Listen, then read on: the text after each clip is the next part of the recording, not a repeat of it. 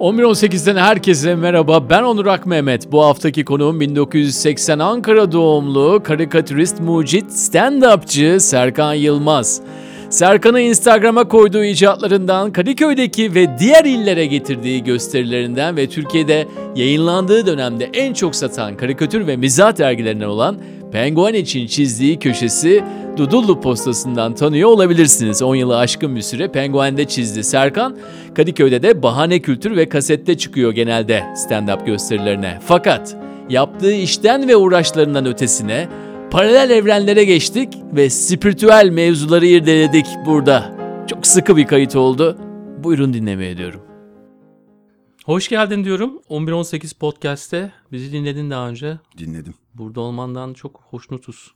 Ben de şu an burada olmaktan çok hoşnutum. Bir öğleden sonra, e, hafta içi bir öğleden sonra kendimize bir vakit ayırıyoruz gibi hissediyorum. Her hafta olduğu gibi ama seninle bunu yapmak da çok güzel. Teşekkür ederim. E, Kadıköy'den geldim buraya. Evet. Şimdi buraya çok Kadıköy'den gelen insan olduğu için sana da sormak istedim. Kadıköy'ün senin için anlamı ne? Kadıköy son dönemde bayağı değişti. Sanki Taksim'in böyle çok eski zamanları gibi oldu. Ve hani Bahariye Caddesi'nde ağaçlar hala duruyor, tramvay geçiyor, insanlar oraya geliyorlar ve böyle el işi bir şeylerin satıldığı bir şeyler oluyor. Sanat sepet işleri ilerledi, stand-up artık ben çıkmak istiyorum diyen çıkıyor.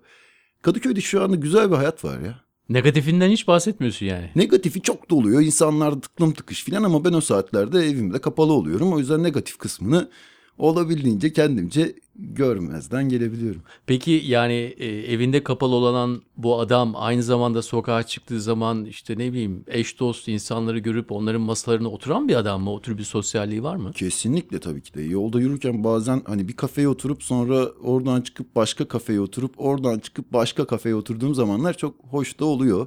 Ya da ne bileyim sağa sola el sallayarak da gidebiliyorsun. Hani o kafede bir arkadaşım var, burada biri var. O yüzden hani güzel insanlar ya. Yani çoğunlukla kirasını ödeme peşinde e, sanatçılarla dolu bir dünya var çevremde diyebilirim.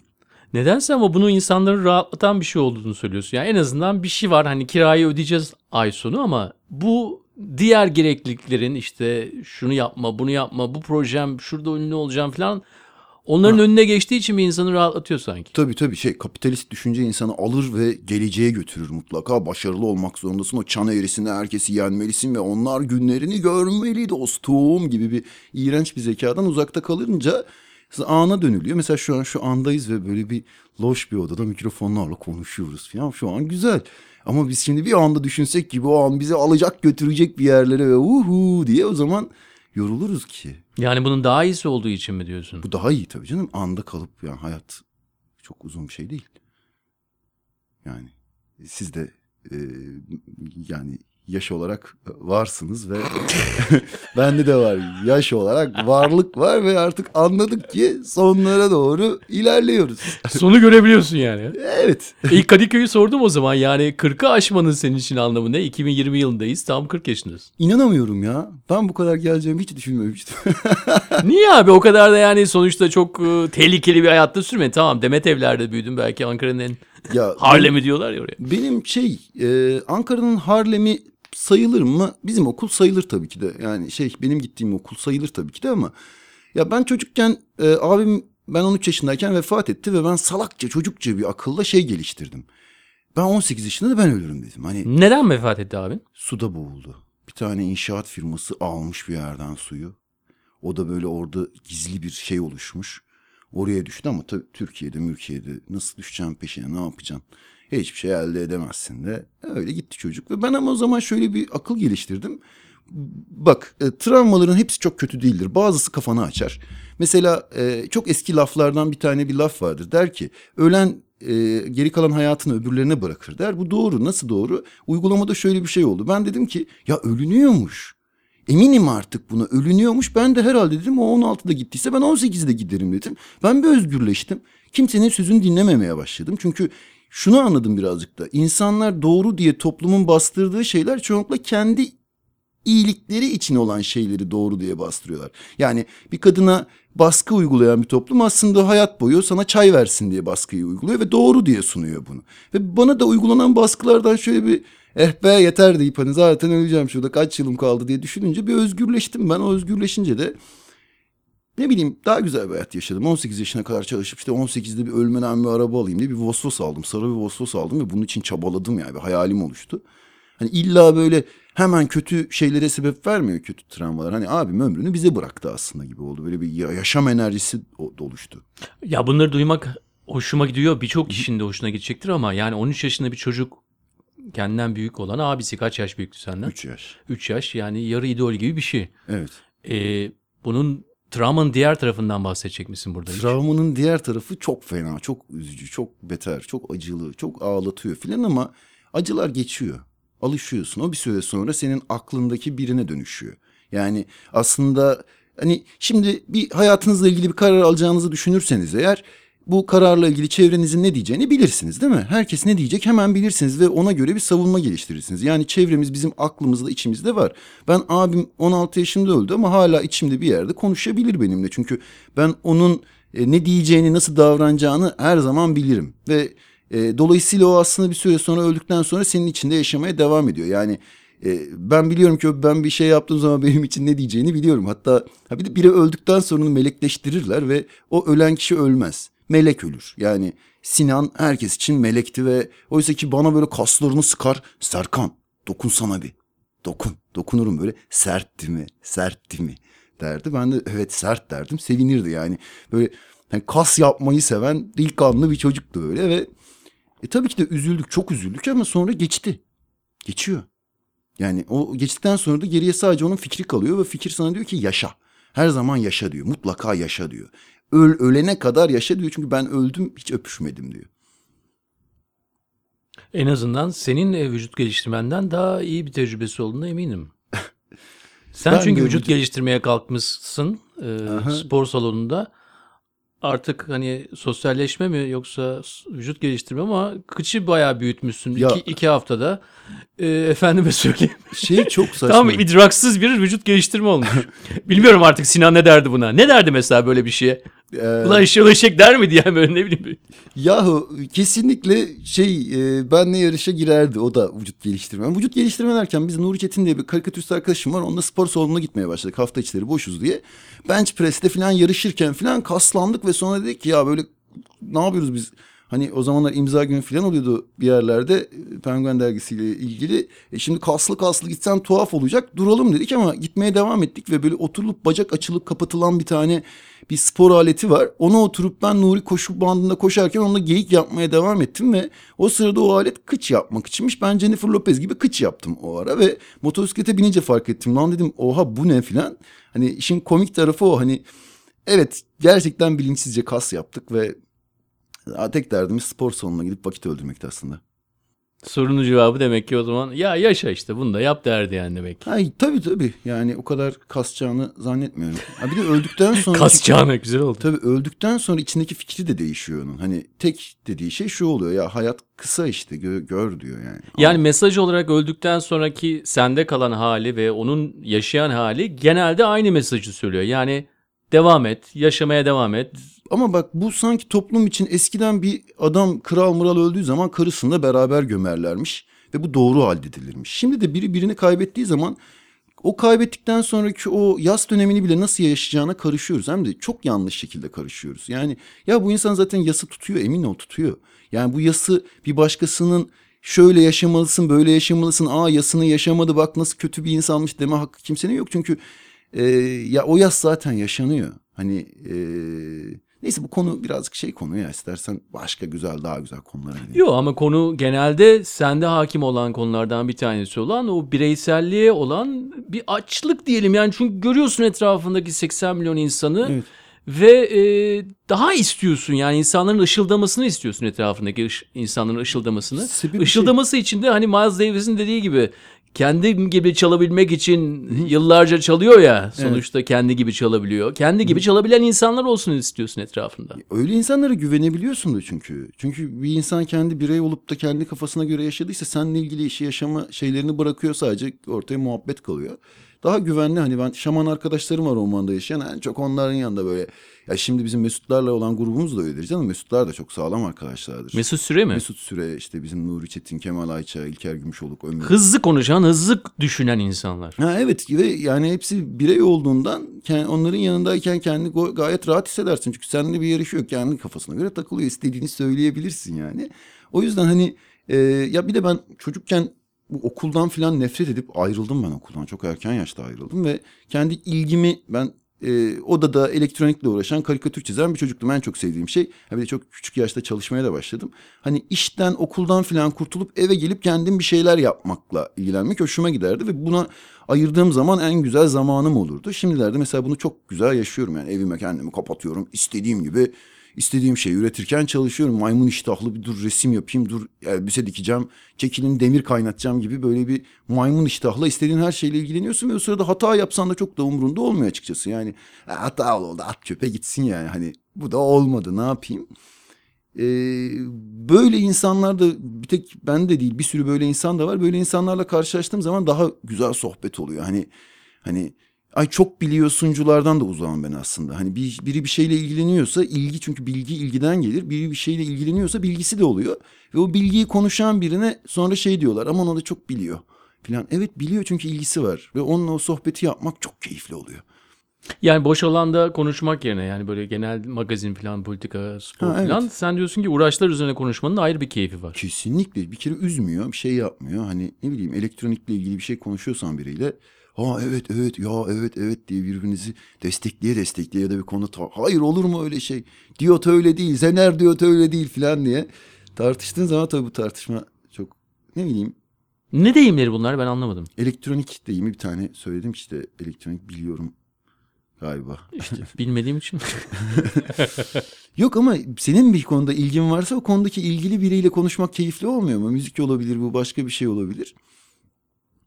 Ee, bilmiyorum öyle gidiyor işte şimdi. Şey. O zamanlarda peki yani YouTube öncesi zamanlarda bu uğraşlarını nasıl e, öğreniyordun? Ee, ya mesela çocukken aerodinamik diye bir şey görüyorsun e, ansiklopedide. Sonra o çok hoşuna gidiyor. Vay aerodinamik ne güzelmiş diye. Sonra arka sayfayı bir çeviriyorsun.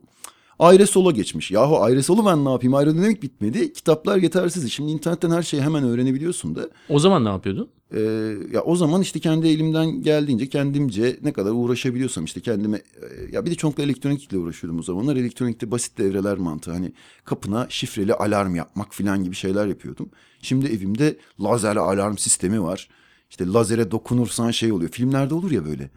Lazere dokunduğun zaman alarm öter. Gerçek hayatta yoktur bu filmlerde vardır ki macera olsun diye işte kahramanımız lazere dokununca akrobatik hareketler yapsın, ha. üzerinden atlasın. E, evet evet çünkü ya elektronik iyi kıvrılana şans tanımaz tamam mı? Çok saçma çünkü hani iyi kıvrılan hırsız girsin diye bir mantık yapılmaz ki. Değil mi hani? o yüzden ben ama onu filmlerde olanı eve yaptım ve şey diyor. Lazere dokunduğun zaman bekle orada bekle geliyorum. İsmail abi lazere değmişler diyor. Tamam mı? hani ses kartı. ve bunu hani bir e, şu ara bozuk bir tekrar yapmam lazım ama kapıyı açan bir hırsız e, koridorda görüyor lazerleri. Hani e, daha hiç evime hırsız girmedi ama bir gün girerse o tadı yaşasın istiyorum böyle. Lazerli bir alana giriyor. Peki bunları nasıl öğreniyordun o zaman? Yani çalıştığın yerde mi öğreniyordun? Ha, ben elektronikçide çalıştım evet çocukken. O yüzden oradan bayağı bir e, yani güzel usta diye bir şey vardır ve güzel usta bilgiyi sana verir. Hem de hiç karşılığı olmadan en basit haliyle verir. Seninle yarışmıyordur da. Ee, o yüzden e, İranlı bir usta vardı benim çalıştığım yerde. Adam ülkesinde e, bazı e, yasak işte TV şeylerini kırdığı için nasıl derler Sine 5 falan filan gibi şeyleri kırdığı için kaçmış Türkiye'de kaçak işçi olarak çalışıyor. Çok nazik de bir abiydi. Şifresini kırdığı için. Ha, şifresini kırdığı için eğer yakalanırsa ellerini kesecekler abinin. Ee, o da gelmiş Türkiye'de kaçak çalışıyordu ve o mesela çok nazik bir adamdı. Şey diğerleri çay ver lan falan derken bana o Serkan What you mean to please falan yapardı böyle şey. Hani senin ben what you mean'in anlamına bakınca çok hoşuma gitmişti şey. Ya senin için sorun olmayacaksa bir çay verir misin gibi bir anlamı olduğunu öğrenince ha dedim ne güzel abiymiş. O mesela e, aradaki dil çok iyi olmasa bile e, bir devre kartı tamir ederken falan filan izleyerek daha iyi öğrenebiliyorsun. Ondan bayağı şey kaptım. Başka ustalarım da var tabii. Peki Hep karşına böyle bu tür insanlar mı çıktı? Yani bu kibarlık güzel bir örnek mesela. Yani O çok hardturt insanlar da çıkmadı mı karşısına? Çok çok fazla. Onları görmezden gelmeyi öğreniyorsun. Çünkü onlardan çok fazla var ve eğer onlara takılı kalırsan üzülüyorsun. Onlardan gerçekten de hani biri sana hayatta kötü bir şey yapmış, dövmüş seni bir zaman. O mesela o elektronikçideki bulunduğum zaman boyunca patronumdan bir buçuk yıl boyunca dayak yedim ve şimdi stand-up'ımda anlatıyorum bu dayakları ve milletler millet haldır huldur gülüyor. Çünkü mizah şeyle ilgili bir şey. Ee, güldüğün şeyi öldürüyorsun. Yani bir, bir şeye gülüyorsak o ölüyor, o fikir ölüyor. Bu ne salakça oluyor. Dolayısıyla hani e, o adamı düşündüğüm zaman o bana dert değil. Çünkü ondan bir sürü var. Ya bana o denk gelmiş. Bu dünya böyle bir yermiş. O bana böyle denk gelmiş. Şimdi ben onu görmezden gelebilirim yani. Hatta ona e, bir şey deme hakkına da sahibim. Ama öbür adam daha değerli. Öbürü daha iyi olan, sana iyi muhabbet eden. Onu zaten görünce tanıyorsun hemen. Aa bakıyorsun, aa diyorsun. Havasından anlıyorsun yani. Çünkü e, insanın yüzünde bir sürü kas var ve manalar çoğunlukla yüzümüzde oluyor. O yüzden ya biriyle konuşurken yüzüne bakarsanız, dediklerini dinlemeyi bırakıp yüzüne bakarsanız bunlar politikacılar da dahil. E, zaten dediği şeyleri çoğunlukla göreceksiniz. Yani asıl içindeki olan şeyler çoğunlukla yüze çok fena yansıyor. Kimse o kadar usta değil bu dünyada yani. Yani televizyonun sesini kısıp öyle izlemek gibi mesela. Ha, evet televizyonun sesini kısıp yüz ifadesine bakınca zaten çoğunlukla içteki cehennemler dışarıya çıkıyor. Bu iyi aktör kötü aktörü anlamak için de kullanılan bir yöntem. Ki Ha. sen de aktörlük okudun. Ee, yani sonradan tabii ee, okudun deyince yani onun kurslarına gittin özellikle. Ya film okulunun bizim Onur Ünlü, Onur abinin e, okuluna gittim. Funda Alp işte Funda Hoca ve Selen Hoca işte Selen Uçer, e, Sermet Hoca onlar çok güzel bilgiyi verdiler. Bilginin özü verilince hani bu Stanislavski yöntemleri o da iç teknik zaten. Onları öğrenince zaten Stanislavski diyor ki kendi acılarından, kendi sevinçlerinden yola çıkıp oynarsan daha iyi diyor. Ve hani o tekniği uyguladığın zaman karakteri de çok güzel anlıyorsun. Çok güzel bir tekniği varmış. O tekniği bize öğrettiler. Biz de elimizden geldiğince şimdi işte sahnede uyguluyoruz. Gayet e, yani o teknik de aslında evet eğer yalan yapıyorsan belli ama gerçekten yaşadığın karaktere inanıp da kendi içinden yaşadığın hislerini çıkartırsan daha doğru bir geçiş oluyor. Tiyatro sahnesindeki şu andaki oyununda kadınlarla erkekler ya belli bir noktaya kadar geliyor. Ondan sonra kadının iç sesiyle erkeğin iç sesi gibi bu bir şekilde izleyiciyi de bölüyorsun yani kadınlar ve erkekler Evet. olarak. Ya bizim oyunun temelinde şey var. E de bakayım oyunun ismi ve e, kadın karakteri kadın izleyiciler iç sesi oluyor. Kadın karakterin erkek karakterinde erkek izleyiciler iç sesi oluyor ve biz o sırada bir önermeyle bir oyunla bir tartışmayla ya da bir durumla karşılarına çıkıyoruz. O sırada oyunumuzun temelinde bizim şey var. Stanislavski de bunu diyor. Eğer bir şeyin temelinde bir fikir yoksa o tam bir sanat olmaz diyor ve Bizim temelimizde şu var. Erkek olmak da ayıp değil, kadın olmak da ayıp değil. Çünkü bazı yerde erkek olmak ayıp oluyor, bazı yerde kadın olmak çoğunlukla ayıp oluyor ve bizim o sahnemizde kadın olmak da ayıp değil, erkek olmak da ayıp değil. Yani bu benim çocukken en, en çok gözlemlediğim ve bizim ülkemizin en büyük problemlerinden biri bu. Hani kadının öteki olması. Çünkü erkeği de erkek olmaktan çıkartıyor. Başka bir yaratığa çeviriyor ve bizim yeteneklerimiz de köreliyor. Sağ olsun benim bir ablam vardı. Hani ablamsa bir prensestir ve ona kimse e, istediği şeyi öyle zorla yaptıramaz yani. Tam bir e, manyaktır kendisi. Şimdi İngiltere'de bayağı bir yerlerde CEO falan oldu böyle hani e, normalde çocukken mahallede o evden ayrıldığında onun için şey diyorlardı. Bir kız evden ayrılırsa başına hiç iyi şeyler gelmez diyorlardı. Oysa bunun tam tersi bir örnekle çok başarılı oldu ve çocukken onun elinden geçtim ben yani hani dışarısı ona karşı böyle kıskançlık ve bana böyle kötü sözler söylerken ben de bir gün gaza gelip bir şey dediğimde sen ne biçim davranıyorsun dediğimde benim kafamı bir duvara çaktı. Sen onların tarafında mısın benim tarafımda mısın dedi ve o sırada ben bir düşündüm. Ha, onlar dediği tipleri bir gözümün önüne getirdim. Hu, hu, hu, hu, hu, hu. Ablam sırada ciddi ciddi güzel bir şey yapmaya çalışıyor ve yaptığı şeyden dolayı da yargılanıyor. Ki tabii bu e, yani yaşadığın yer şey olabilir ama şans bu. E, kötü olabilir ama eğer iyi hocaların varsa ve sen de kafana alıyorsan e, bu sefer daha düzgün bir şeyler akıl etmeye başlıyorsun. Yani çünkü inanç büyüdür. Bir insan inancını değiştirirsen büyülersin onu. Karakterini değiştirirsin. Başka biri yaparsın. Eğer inancını sen yönlendiriyorsan özgürsündür ama inancın bir başkasının elindeyse bu inanç dini inanç da olabilir. Ben bunu başaracağım da olabilir. Hani e, çünkü inanmak denen şey bir şey yapmanı da sağlar. Bunu yapacağım dersen yaparsın. O kadar zorlarsın ki yaparsan bir başkasının eline geçiyorsa çok korkunç şekilde bir e, bireylikten uzaklaşıyorsun ve bireyde olmayan birinden korkarım ben. Çünkü hani birey değil insan olmamış daha içinde başka bir durumu var onun yani. Birey olan biri ise kendisini savunur da gerekirse sana kızar bile hatta. Ona güvenirsin.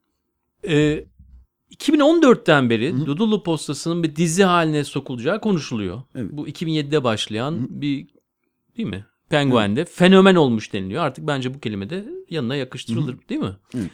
Ee, 2006-2007'de başlıyor. 2014'ten beri dizi haline sokulacağı söylüyor. Ondan sonra 2018'de dizi senaryolaşıyor. Sonra Blue TV'de yayınlanıyor. Hı hı. Senin için bu yarattığın Dudullu. Postası'nın dizileşme sürecinin Anladın hayal kırıklıkları da var mı veya Ya hayal kırıklığı demeyeyim. Bir, bir şeyler oldu. İlk başta ben bunu e, dizi haline getirmek istedim açıkçası. Başka bir şeyler yapmayı sen de istedin için. yani bunu? Hı. İlk başta ben istedim ve bir senaryo haline yazdım ben bunu. Eve böyle mantar panolarda karakterleri yaratıp kendi bildiğim karakterlerden şunlardan bunlardan yola çıkıp kendimce senaryo tekniği o zamanlar bilmiyordum. Karikatür biliyordum. Ama bir şeyler yazdım ve bir yapım firmasına götürdüm. O yapım firmasında sonra bazı işte Gezi Park olayları falan filan derken o yapım firması yapamadı onu. O dönemdi. Başka bir yapım firmasına gönderdiler. O yapım firması biraz bekletti. Sonra bir kere çağırdılar.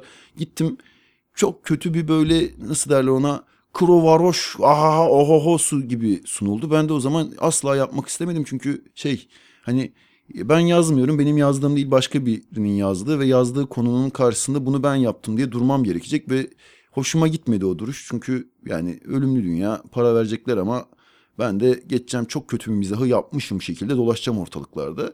O yüzden ben de yok dedim. Yapım firması da işte o biz senaristlerle falan çok anlaşamayınca o da durdurdu. Ben sonra ama ya tamam dedim bu iş olmayacak bitti. Bu bitti dedim ve yıllar yıllar yıllar geçti ve kendim e, şey de demiştim. Bir daha o yapım firmasına yokuşunu aşağı yürümeyeceğim demiştim.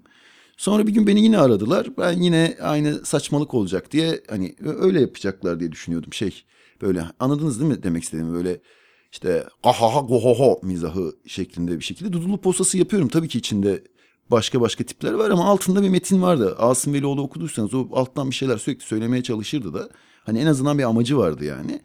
Ee, beni tekrar aradıklarında ben yok diyeceğim. Hani o yokuştan aşağı yürümeyeceğim ama Onur Ünlü'yü ben çok seviyorum. Yaptığı işleri de çok seviyorum. Çok şah- şahsına münhasır da bir abi. Tanıyorum da gayet güzel bir abimiz.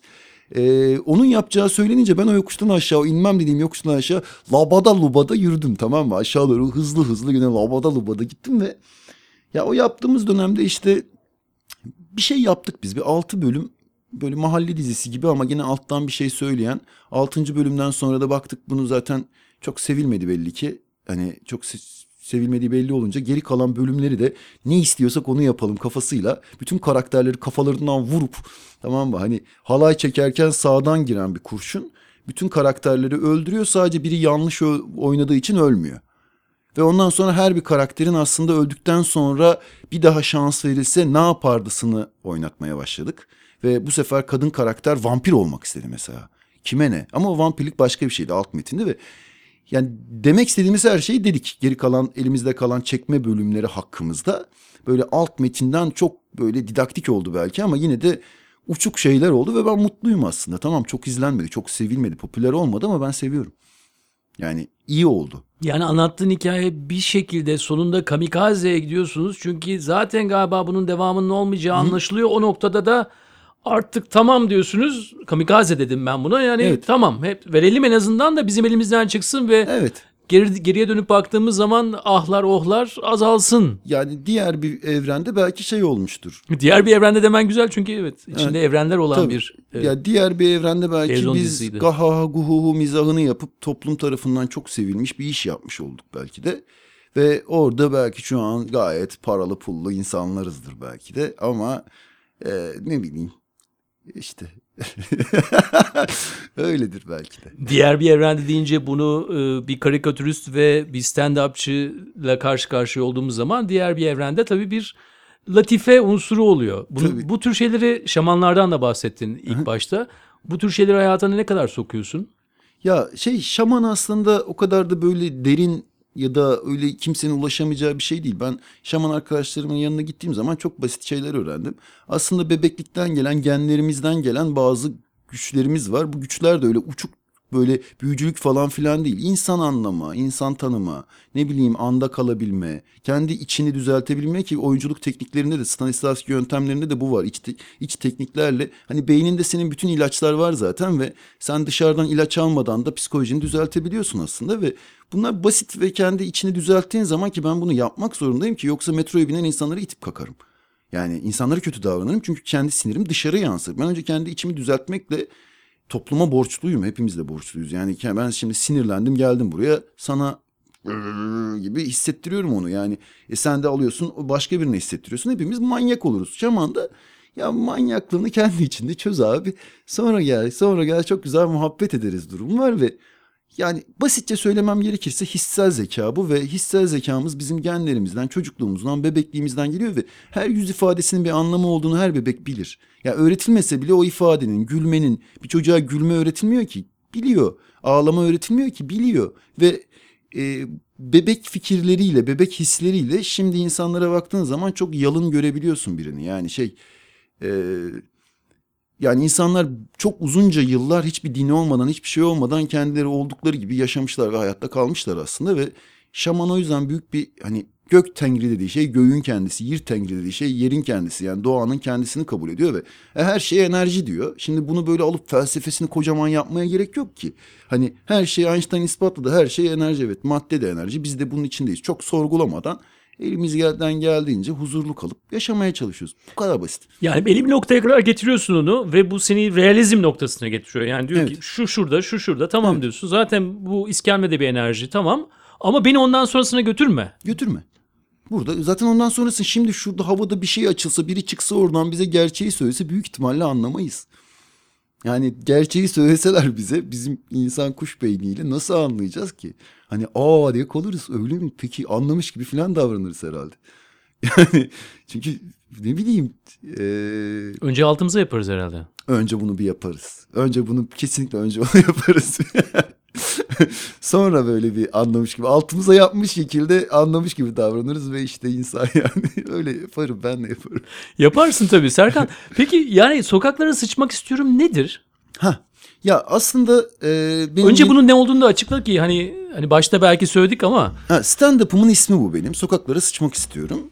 Ben e, oyunuma şöyle başlıyorum. Önce işte bilimden şundan bundan bahsederken her şey çok büyük geliyor ve sonra ben bir anda içimde bir his beliriyor benim. Sokaklara sıçmak istiyorum. Ama bu toplum tarafından çok yanlış ve yaparsam rezil olurum, mahvolurum. Her toplum tarafından. Her toplum tarafından çok yanlış. Biz bununla ilgili psikolojik tedavi görmeye başlıyorum ve psikolojik tedavi sırasında bütün yaşadıklarım, gördüklerim ve ne gördüysem her şeyin yanlışlarını, ne kadar saçma olduğunu anlatıyorum. Ve en sonunda da en sonunu söylemeyeyim.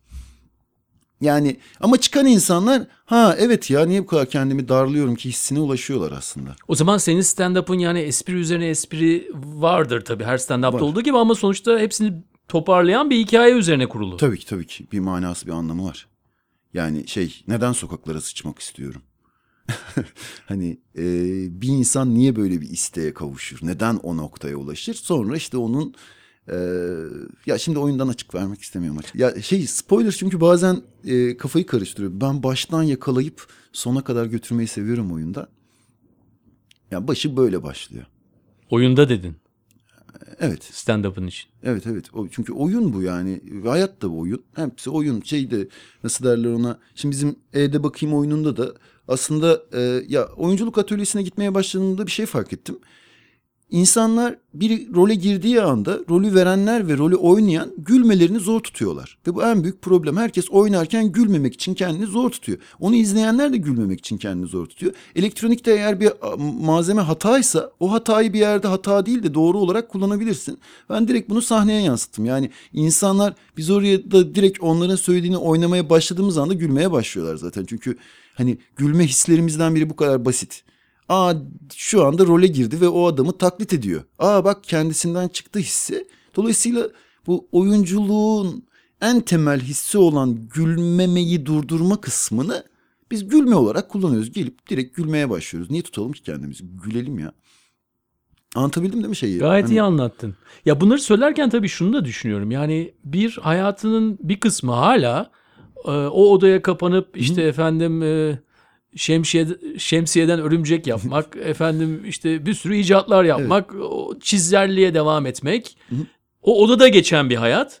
Bir de onun dışında işte stand-up'tır, oyundur, diğer bir taraf var, oyunculuktur, o taraf var. E, ama genelde bu ikisini böyle dengeleyebilen insan bulmak kolay olmuyor. Yani ya birisinde daha rahat ediyor, öbürünü zoraki yapıyor. Ama bu, Birisini para için yapıyor, birisini işte sanat için yapıyor Ya- gibi dengelemeler var ama sende sanki ikisinde de rahatsın gibi geliyor bana. ya ya onu da yapıyorsun ondan bir keyif alıyorsun. Yani yalnız kalmaktan keyif alıyorsun evet ama bunu bütün ömrün boyunca yaparsan çok yalnız ve böyle yapayalnız bir hayat geçirmiş olursun. Ama sürekli dışa dönük ve herkesin içinde bir hayat yaşarsan da hiç yalnız kalamazsın. E şimdi bunlar birbirlerini o kadar güzel destekliyor ki ben evde sıkılıyorum, sıkılıyorum, sıkılıyorum, yalnızlıktan sıkılıyorum, sıkılıyorum. Bütün insanlığı görme enerjimle sahneye atıyorum kendimi ve orada o enerjiyi harcıyorum, harcıyorum, harcıyorum ama o enerjinin de sonu var. O bitiyor. Sonra da o bitince de diyorum ki gideyim de evde biraz sıkılayım. Aslında bir dönüşüm var. Hani dışarı çıkıp bütün o sosyalleşme enerjimi harcayıp eve dönüp yalnızlık enerjimi harcayıp sonra sosyallik enerji. Çünkü birbirinin zıt e, hisler birbirini destekliyor ki. Hani şey e, ben evde yalnız kaldığım zaman hep yalnız kalmayacağımı biliyorum. En de sonunda dışarı çıkacağım yani. Hani o sırada o yüzden yalnızlığım da değerli oluyor. Ya da insan içinde çok sıkılmıyorum. Çünkü insan içindeyken biliyorum ki geri evime döneceğim, yalnızlığıma döneceğim yani. Orada bir oda var. Yani birbirlerinin zıttı değiller yani. Ya zıttılar ama birbirlerini destekliyorlar pardon. Sıkılıyor musun peki evde? Eğer ya bu kadar çok ömrüm- şey yapan adam sıkılıyor mu evde? Yok bütün ömrüm boyunca düşünsene hani hiç dışarı çıkmadan 6 ay orada kalsam ki bunu 3 yıl yapmışlığım var. Çok sıkılmıştım. Yani karikatür dergilerine ilk başladığım zaman ben aylık dergi vardı, haftalık dergi vardı. Çok az insanla görüşerek sadece dergideki bazı arkadaşlarımla dergide bazen görüşerek ilk 3 yılım sadece çizerek geçti. Yani çok seviyordum çizmeyi. 2000'lerin başlarından bahsediyoruz galiba. Ee, 2000'lerin başları değil, 2000 şey başları tabii 2004. 2004-2007 arası. O zamanki hayatın yani işte pazartesi, salı sabahlamalar değil mi? Bir de aylık dergi vardı ve o zaman hani tam emin olamıyorsun espriyi çizince hangisi doğru hangisi yanlış daha bir tarzını tam sen de bilmiyorsun. O yüzden çok uzun süre çizerek geçti yani. Ya o zamanki 25 yaşındaki Serkan biraz yani o son tarihler yaklaşıyor, espri bulamıyorum ve anksiyete dolu tarafları da vardı diyorsun. Tabii evde yalnızken bazen ne yapacağım ben diye kalıveriyorsun ama ya dedim ya hep o ne yapacağım ben na- falan filanı aşmanın en güzel tarafı şey ya en kötüsüne razı olmak. Çünkü en kötüsü çoğunlukla o kadar en kötüsü de olmuyor. Ben stand, üçüncü stand-up'ımda rezil oldum. Bizim Mesut Süreler'den sonra İlker Gümüşyıllık'tan sonra çıktım ve ilk iki gösteri çok güzel geçmişti. Onlardan sonra yine çıkmıştım. Onlar seyirciye hazırlamışlardı ve herkes gülerken ben de çıkıp hikayelerimi anlatıp güldürmüştüm. Üçüncüde dedik büyük bir salon tutalım. Hepimiz güçlerimizi birleştirelim. Büyük bir salon tutalım. Tuttuk büyük bir salon. Sonra onlar içeride anlatırlarken bu sefer büyük salonda içeride tiyatro şeyinde e, kuliste ben o ışıklı aynaya bakarken kendime dedim ki ben burada ne yapıyorum dedim ya. Ben şimdi ne işim var benim burada? Olaydan soğudum evime gitmek istedim. Sonra ben çıktığımda da tabii soğuk sönük bir şekilde anlattım ve izleyiciler o 15 dakika gergin bir şekilde beni izlediler. Çünkü hani bir espri yaparsın ama yüzünde böyle bir isteksiz bir ifadeye yaparsan karşı tarafa geçmiyor bu. Ee, o 15 dakikanın sonunda dedim ki arkadaşlar bitti siz de kurtuldunuz ben de kurtuldum dedim. Bir gülündü ona. Yani bu gerçekten de gülündü buna hali. Çünkü onlar da kurtuldu ben de kurtuldum. Ve bir arkadaşımın yüzünde çok utangaç da çizer bir arkadaşımın yüzünde e, benim adıma bir utanç kızartısı gördüm sahneden. Sonra dışarı çıktığımda herkeste bu his var. Çünkü hissel zeka her şeyi hissedebiliyor. Yani bir yere girdiğiniz zaman orada senin hakkındaki düşünenleri hissedersin yani. Ve hissel zeka benim büyük bir yanlış yaptığıma dairdi. Dışarı çıktım işte eski eşim onun arkadaşı beni bir yere götürdüler. Bira içerken beni böyle yok ya çok kötü olmadı çok kötü olmadı diyorlar ama oldu. Çok kötü oldu. O sırada şunu fark ettim. Bir adamın sözüyle ama unuttum ismini. Ee, bir ip cambazının en rahat olduğu yer ağların filelerin üzeriymiş. Çünkü düşmüş artık. Ben de o rahatlık oluştu. Aa en kötüsü bu muymuş ya? Hani çünkü insanlar beni 15 saniye daha düşünmeye devam edip sonra hayatlarına devam edecekler. Hiçbirinin kafasında o kadar önemli değiliz ki.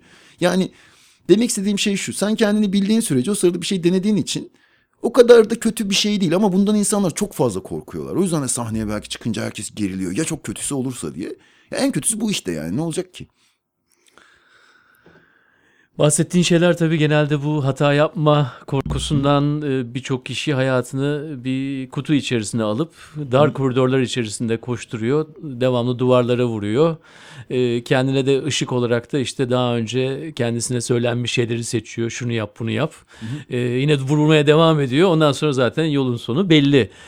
Diyorsun ki o zaman bu hata yapmaya karşı olan bu bundan kaçma. Tabii ya şey bir de yani kendi hayatın içinde de mesela e, ben şu hayat yolunda bir merdivenle minibüse binmiş de biriyim.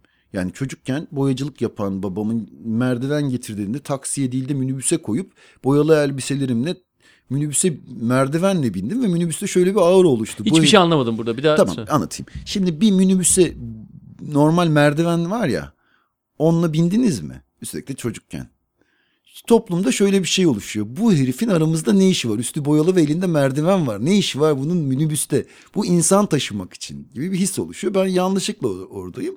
Ben de minibüsçüye dedim ki şuradan iki kişi dedim.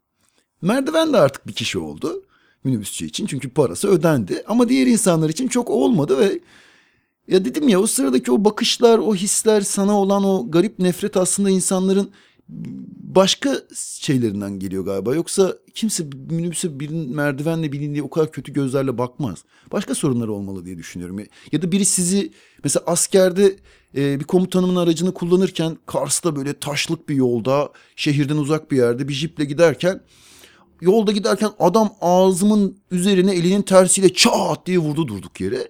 Gözlerim doldu bir anda hani şey e, duygusallıktan değil burnunun üzerine vurunca gözlerin yaşarıyor ve ben şaşırarak döndüm. Neden bana vurdun diye şaşıran gözlerle sordum hani yolda gidiyorduk niye bana güm diye vurdun? Adam dedi ki görmüyor musun kamyonu? Kamyon çok uzakta. Adamınsa o sırada ben ruh halinden şunu sezdim. Evde galiba hanımıyla tartıştı ya da bir sorunu var, bir derdi var. Yolda giderken torpidoyu yumruklayan adam durumunda. Acı içinde ve o yüzden o acısını bana yansıtmış. Yani benim kamyona yakınlaşıp yakınlaşmamamla bir alakası yok. Torpidoya vurur gibi vurmuş ve dolayısıyla ben bir torpidoyum.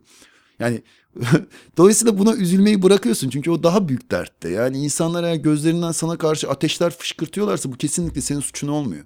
Onların belki kendi hayatlarıyla ilgili dertleri oluyor ve sana yapabildikleri için yapıyorlar ve bunu dert etmeyi bıraktığın anda ee, çok da elin kolun rahat ediyor yani istediğin gibi davranıyorsun çünkü ama kendi içinde etiğin olmalı. Eğer bir vicdanın bir etiğin yoksa bu sefer her şey yapabilirsin. Yani kendinden utanabilirsen ancak bu hakkı e, alabilirsin. Yani gerçekten utanacak şeyler yapmamalısın. Hani eğer, eğer bu mantıkla düşünürsek çünkü hiçbir süper egomuz kalmaz. Her istediğimizi yaparız. Yani olur. Her istek de değil yani. Hani e, üzülmeyecek şeyler yapmamaya çalışıyorum çok. Ama onun haricinde eğer bir şey yapıyorsam başkalarına zarar verme gibi bir niyetim yoksa rahat rahat yaparım. Ama bunu dedim ya hani bu fikri aldığın anda zaten hemen sen de elinle her şeyi yapabiliyorsun. Bizim diğer ormandaki arkadaşların orada güneş paneli yapılacağı zaman biri ya sen sen güneş paneli yapar mısın? Ya iyi yapın diyorlar. Yapıp geliyorsun kimse de şaşırmıyor. Hani şey aa güneş paneli yapabiliyor musunuz siz? Güneş paneli nasıl da bağladılar bak filan gibi bir havamız olmuyor. Güneş panelini bağlayıp gelip oturup yemeğimizi yiyoruz. Hani şey çünkü iki kabloyu birbirine bağladık ve tavana bir tane siyah plakalar taktık yani. Hani övünüyoruz yine bundan ama o kadar büyük övünmüyoruz. Hani bir övünme oluyor. Taktık geldik güzel oldu güzel oldu gibi bir his oluyor ama bu bizi özel ya da muhteşem ya da başka bir şey yapmıyor. Hani e, bu kolaylık güzel benim için ya. Ya biraz ellerini serbest bırakıyorsun. Biraz senin zihinsel faaliyetlerini illa birebir çalıştırmadan eller zaten onu yapmış oluyor. Sonuçta da sonra oturup yemeğini yiyorsun. Tabii bir de hani ellerimizle vücudumuzla bir hareketi yaparken ben bunu anlatmayı çok seviyorum. Çünkü her anlatımda bana da yansıyor. Ee, ellerimizde e, kaslar bir hareket yapacağınız zaman gerilen kaslar bir de rahatlayan kaslar var. Eğer senin içinde ruhunda kaygılar şunlar bunlar varsa o rahatlayan kaslar tam rahatlayamıyor ve kaslar birbirini çekip duruyor. Bu da böyle e, titreyen, tam yapamayan, güvensiz bir vücut ortaya çıkartıyor. Oysa ki sen içini rahatlattığın zaman o rahatlayan kaslar gerilen kasların karşısında rahatça kendilerini serbest bırakıyorlar ve hani çoğunlukla hippilerde vardır bu tarz, şamanlarda vardır ya da ne bileyim çok kendisini yaşayan insanlarda çok oluşur bu ve bu e, aslında dedim ya e, toplum çoğunlukla ilk baş söylediğim şey e, sana doğru diye öğret, öğrettiği şey çoğunlukla kendi iyiliği için oluyor. Yani insanlar çok yeteneklerini fark ederlerse bu sefer e, kölelik yapmak zorunda kalmazlar yani. Hani bütün hayatlarını bir yere harcamak zorunda kalmazlar. Çünkü güvenleri vardır. Bir şekilde hayatta kalırım falan derler. Dolayısıyla hani bu birbirimize olan gerginlikten dışarı çıktığın anda bir de anlatmayı da çok seviyorsun bu sefer. Çünkü anlatmak da güzel oluyor bunu. Ya çok güzel yaşanıyor. Oo, gel gel diye. Hani sen de yap diye. Yani paylaşmak istiyorsun. O yoldan benimle yürüyeyim diyorsun başkalarına da. İlla Tabii, o yol tabii. boş olsun ben istediğim gibi at koşturayım değil. O yol ne kadar dolu olursa o kadar güven verici oluyor. Çünkü bunu yapan birine ya benle çok bağlantısı olmayan, beni kafaya takmamış birine güvenebiliyorum. Ateş yakmak işte e, sürtünmeden doğan ısıdan dolayı insanlar anlamışlar ve aynı dönemde her yerde bulunmuş. Çünkü eminim o dönemde e, birçok e, hava faaliyeti bütün dünyada aynı şekilde değişti ve insanlar bir şey yapmak zorunda kaldılar. Güneşe A diyorlarmış isim olarak ve A gitmiş, A yok. A yok yani ve A'nın olmadığı yerde bir şey yapmak zorundalar. Birçok yerde ateş yanmış ama ateşin yandığı yerde hemen diğerlerini öğretmiş insanlar. Hemen diğerini öğretiyorsun çünkü o da yakmayı bilirse sen daha güvendesin. Ya ben hastalanırsam yapamazsam? Yani biraz nasıl derler ona bilgiyi sen ona verdiğin zaman bilgiyi verdiğin kişi e, o ateşi e, yakarsa senin için kötü olmayacak. Ama şimdi son dönemde bütün dünyayı katledip kendi tüketici ruhumuzla bütün dünyayı tüketmeye çalıştığımız dönemde e, şey ruh olarak da bu olduğumuzda birbirimizden korkuyoruz. Bir iş yerine giriyorsun biri sana bilgi vermemek için geberiyor. Vereceği bilgi de Excel. Ben onlara Excel Bey diyorum. Yani bir iş yerimde vardı. Yani adam iş yerinde hani forklift kullanıyorum. Excel'de de formül yaptım diye benden çok fena korktu. Her gün mobbing uygulamaya başladı bana ve koruduğu bilgi Excel. Excel'de böyle bir ya, stok listesinde bir formül yapılması lazım. Bir toplama eşittir topla parantez aç şeyleri seçtim ve o sırada yanımdaki o enerjiden şeyi fark ettim. Aha adam bana dert olacak. Nazar oldu. Hani nazar şeydir. Siz güzel bir şey yaptığınızda çevre toplum size şey der.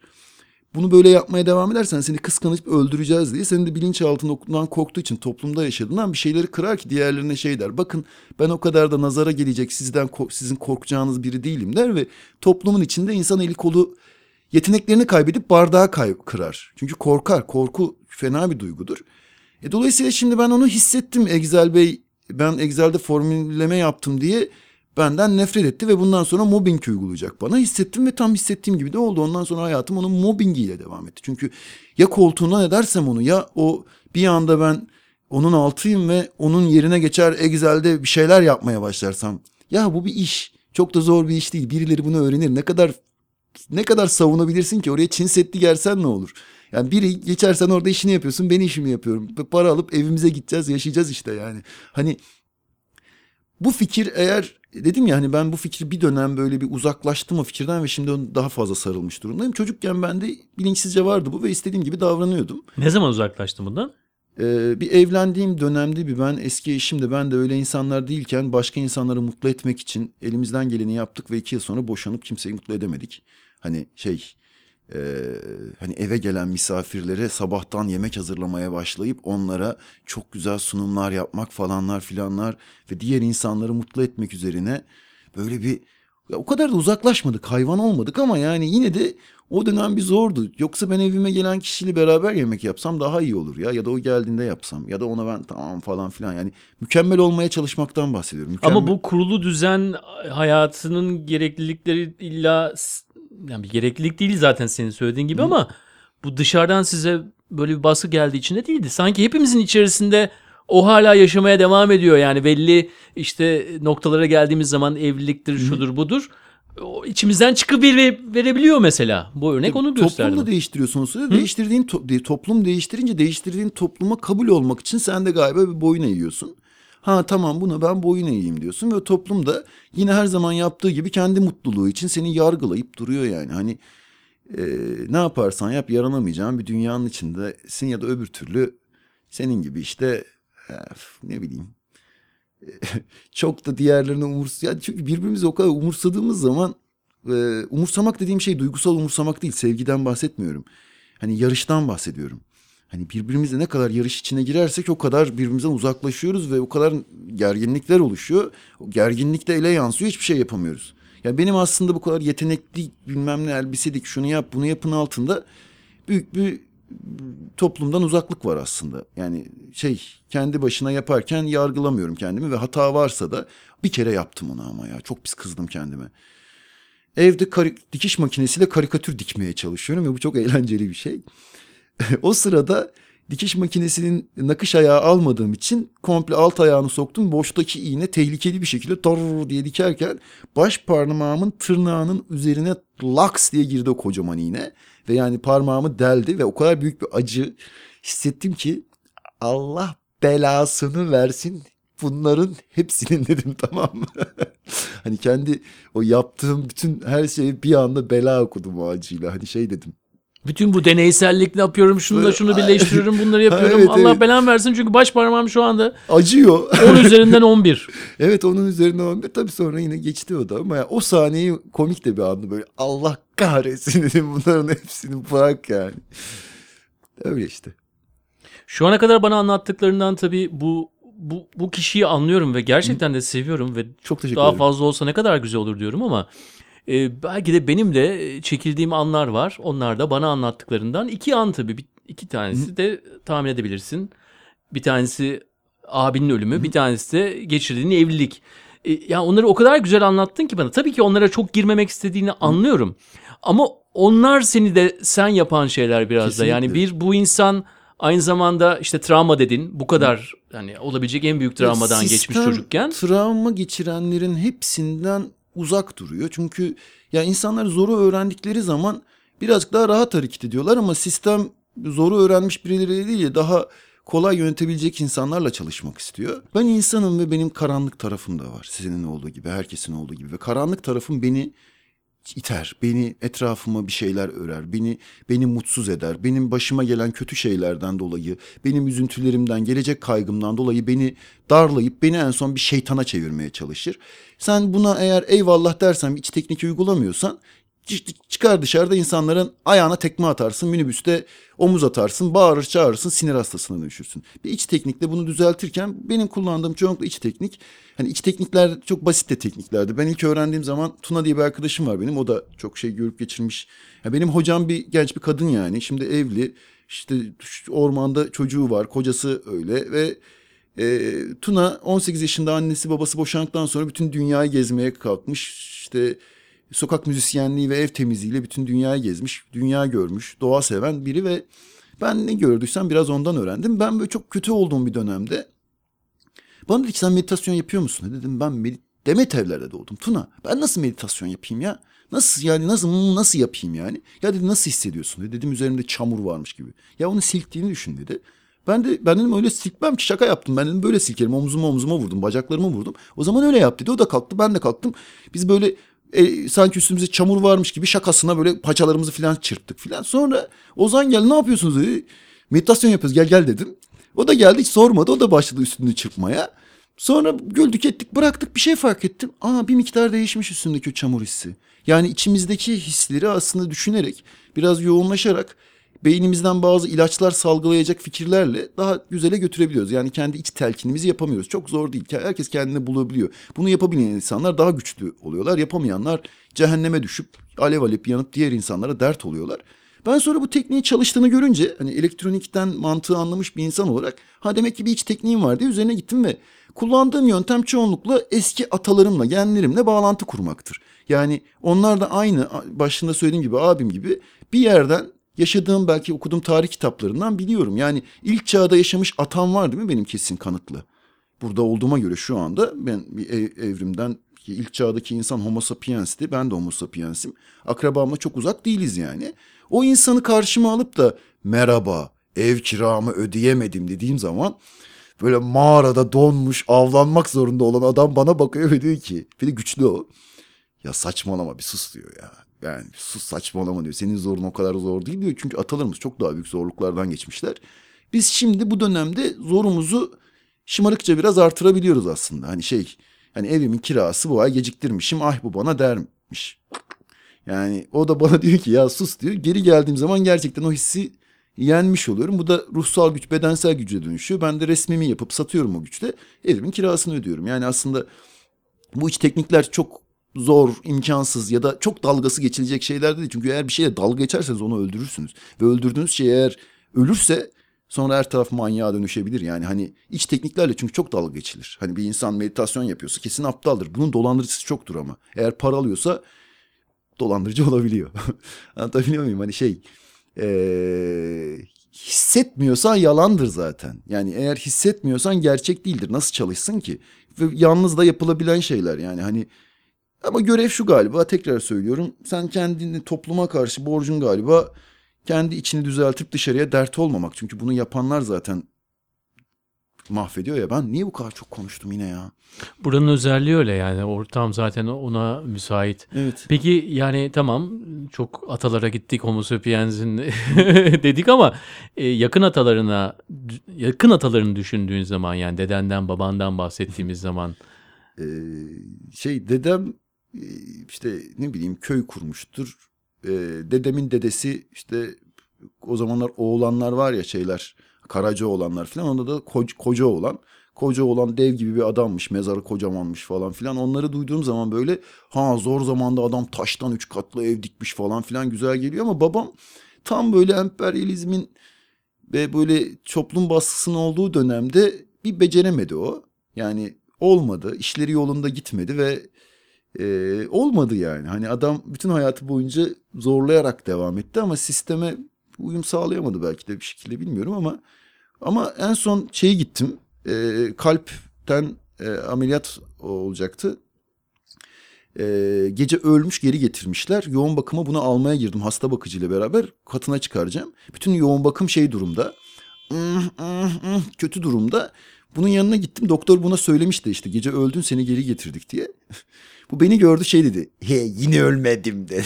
tamam mı? Hani ya son anda yine ölmedim mi seçmiş. Çünkü bu seçenek öbür türlü ağlamayı da seçebilir ama ağlamayı seçerse vücuduna pek iyi gelmeyecek. Yani hani o durumda herif yine ölmedim dedi yani ve bu bana o gün pek iyi hissetmiyordu. Dışarı çıktım. Hani hisset ben de insanım ve zorlanıyorum ve sonra kendimi yeniden topluyorum. O bana mesela birkaç hafta çok iyi geldi. Hani şey zorlanıyorum sonra babamın içine açmışlar adamın yine ölmedim demesi kulağıma gelince başkasından güç alabiliyorsun yani. Hani oha diyorsun burada bunu hala yapabiliyorsa mümkün. Possible. Ve bunu yaptığı için de hayatta hala yani. Neyse ben aslında komik bir adamım. Şimdi konular buraya geldi. Güzel. Ya bu burada oturmamızın bence bir anlamı da şuydu. Yani e, tabii ki komik olmak dışındaki hallerinle de e, mesut olduğunu söyleyebiliriz. Ya, ara ara kendine böyle acaba çok mu ciddileştim ne yapıyorum bu konulardan gidelim diyorsun ama yine onlara çekilmeye de devam ediyorsun. Ama zaten komik hallerini biz e, sahnede de görüyoruz. Yıllardır da zaten e, bir de bir yere girdikten sonra takip ediyoruz. Ha? Galiba, bir yere girdikten sonra galiba oradan çıkılmıyor. Maden geldik bütün programı böyle yaptık. Son şunu söyleyeyim. Şimdi bedenim bir hayvan benim, hislerim bir hayvan benim. Ben de onun beynim işte bir düşüncelerim var. İnternette bir video vardı. Çok fazla dayak falan yemiş bir köpeğe bir tane bilinçli bir tane hayvan sefer yaklaşıyordu ve onun sonra tüylerini falan kesiyorlardı. Belki görmüşsünüzdür o videoyu. Hayvan böyle hırlıyor, dişini çıkartıyor, bağırıyor, çağırıyor ama karşısındaki özgüvenle ona zarar vermeyeceğini belli ederek elini ona yakınlaştırıyor ve kafasını seviyor. Ve sonra da hayvan kendini öyle bir sevdiriyor ki düzeliyor hayvan. Yani aslında oradaki daha önce böyle dayak yemiş insanlardan korkan dişlerini sıkan o zavallı yavrumcağız köpek e, senin bedenin. Sen de ona bir el uzatıyorsun ve onun o bütün kaygılarını yeneceği şekilde onu biraz seviyorsun aslında. Çok teşekkür ederim sana burada olduğun için. Ben de çok teşekkür ederim çağırdığınız için. Sağ olun.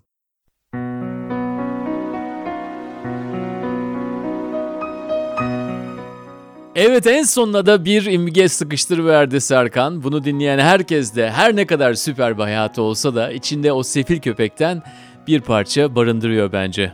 Zira birey olmak zor zanaat. Yüzlerce şeyi birleştirip kendini biricik bir heykel olarak inşa edersin, çekerler paçandan aşağı, düşürüverirler.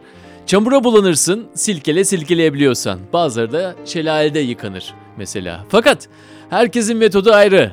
Herkes kendi metodunu keşfetmek için de başkalarının hikayesine kulak vermeli diyoruz. Bu hafta sonu biz de onu yapacağız. Tüm İzmirli dostlarımızı Alsancak'taki Anlat Hikayeni etkinliğine bekliyoruz. 2020'nin ilk etkinliğinde gecenin teması o gün. Etkinliğe hikayesini önceden gönderip anlatıcı listesine girmek isteyenler için kontenjan doldu fakat o gece etkinliğe gelip kuraya katılma şansınız tabii ki var. Tüm İzmirli kabile üyelerine gösterdikleri yoğun ilgiden ötürü çok teşekkür ediyorum buradan. Bir sonraki anlatı hikayeni 20 Şubat İstanbul'da BKM Mutfak'ta ve tarihi belli olan diğer bir gecemizi anons edeyim. 28 Mart'ta Hatay'da olacağız. Öteki şehirler ve detaylar için A hikayeni sosyal medya hesaplarını takip edin. Haftaya yeni bir insan, yeni bir hikaye ve yeni bir podcast ile buluşmak üzere. Hoşçakalın.